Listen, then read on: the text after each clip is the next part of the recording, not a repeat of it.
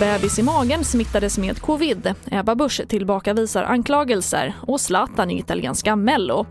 Ja, här är TV4-nyheterna som börjar med att ett barn som föddes på Skånes universitetssjukhus i Malmö förra året testades positivt för covid-19. Att barnet smittats redan i mammans mage stärks av en ny studie. Läkare kunde konstatera att moderkakan var infekterad på både barnets och mammans sida. Det här rapporterar SVT om.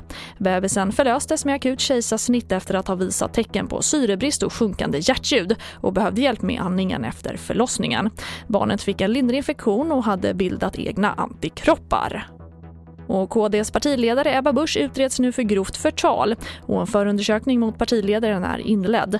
Bakgrunden är en text på sociala medier där Busch pekar ut en advokat som brottsling som representerar motparten i den pågående tvisten om hennes husköp. Ebba Busch tillbakavisar eh, alla anklagelser om att det skulle ha förekommit någon brottslig handling och eh, i övrigt så är det svårt för oss att kommentera vad som sker i nuläget mer än att vi med tillförsikt eh, ser fram emot resultatet av den här utredningen. Och det sa Ebba Buschs advokat Thomas Olsson. Och Max Servin och Afram Gergio döms för grov ekonomisk brottslighet i den andra delen av härvan kring pensionsbolaget Falcon Founds. Omkring 480 miljoner kronor har enligt åtalet svindlats från pensionsspararna och bland annat använts för privat lyxkonsumtion. Och mer om det här kan du se på tv4.se.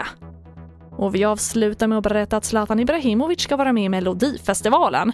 Men inte med ett eget bidrag utan den svenska fotbollsgiganten agerar programledare sidekick i den italienska upplagan av programmet, det rapporterar SVT.